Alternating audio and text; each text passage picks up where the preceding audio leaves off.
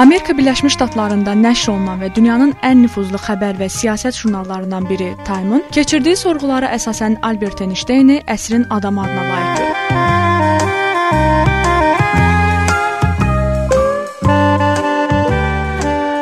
Einstein 1879-cu il martın 14-də Almaniyada doğulub. İlk təhsilini Münxendəki Luitpold gimnaziyasında alıb. 1894-cü ildə ailəsi İtaliyaya köçsə də, Albert təhsilini Münxendə davam etdirir. O 1896-cı ildə İsveçrəyə Federal Politexnik Məktəbində fizika və riyaziyyat müəllimi ixtisası üzrə təhsil almağa gedir. Daha sonra Zürix Universitetinə geri dönüb riyaziyyatçı Marcel Grossman ilə çalışmağa başlayır.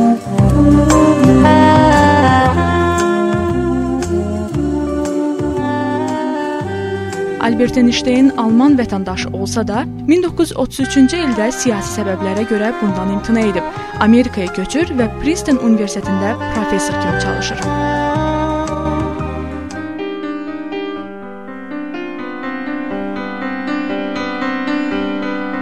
Einstein 2-ci Dünya müharibəsindən sonra böyük şöhrət qazanır. Belə ki, 1945-ci ildə Rooseveltə yazdığı məktubunda nüvə silahını düzəldə bildiyi barədə xəbər verir. Lakin Xirosima və Nagasaki faciəsindən sonra bu ixtirasından böyük peşmançılıq hissi keçirir və bundan sonra nüvə silahlarının yaradılmasına və istifadəsinə qarşı mübarizə aparır.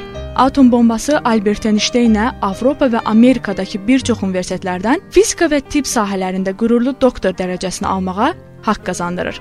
Çalışmalar nəticəsində Chopley və Franklin nişanı mükafatına layiq görülür.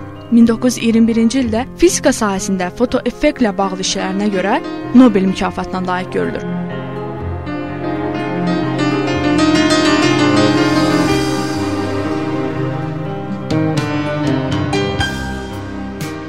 Einstein bütün dünyada ən populyar fizik və alim olub.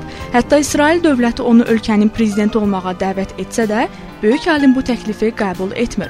Bütün bunlara baxmayaraq Einstein uşaqlıqda heç də istedadına görə fərqlənməyib. Hətta hamıya inkişafdan qalmış kimi görünüb. Uşaqlıqda fizika və riyaziyyat fənlərindən geri qalırdı. 7 yaşına qədər isə kiçik frazalardan başqa heç nə danışa bilməyib. Yalnız 10 yaşından sonra Albertin intellekti formalaşmağa başlayır.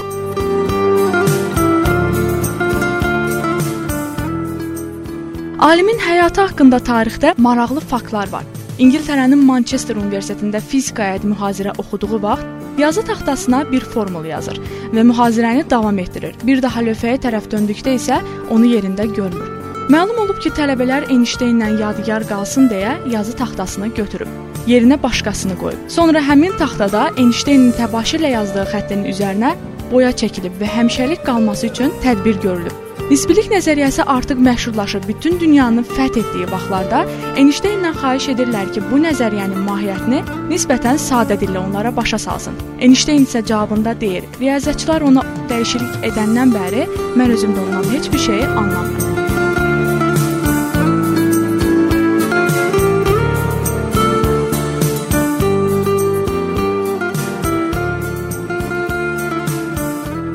Keçən illər ərzində alimin beyin quruluşu haqqında bir neçə mütəxəssis qrupu tədqiqat aparsa da, heç bir mühüm nəticə əldə olunmayıb.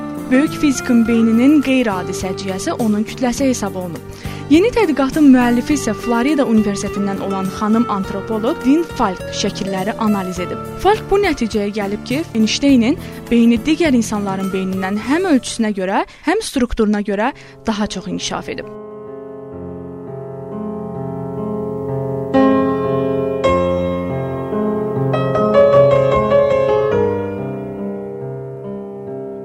Qəribəsi odur ki, Einstein onun kəşflərindən anlamayan insanlar arasında məşhur idi. Bunun səbəbi isə İngiltərə və Amerikanın jurnalistləridir. Müharibədən bezmiş mətbuat tamam fərqli mövzulardan yazmaq istəyir. Ona görə də nisbilik nəzəriyyəsi ictimai sensasiyaya çevrilir. Hamı bu kəşfi eləyən insanla tanışlığa can atsa da, alim stereotipi əvəzində onlar axmaq zarafatları və hoqqabazlığı ilə seçilən pırtlaşıq saçlı insanı görürlər. Einsteinin qəribə xarizmi vardı və o harda olmasından asılı olmayaraq diqqət mərkəzində olurdu.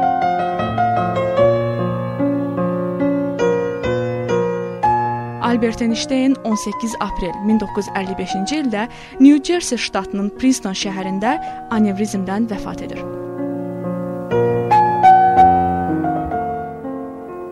Pərvin Quliyeva, Gənclərin Səsi Radiosu.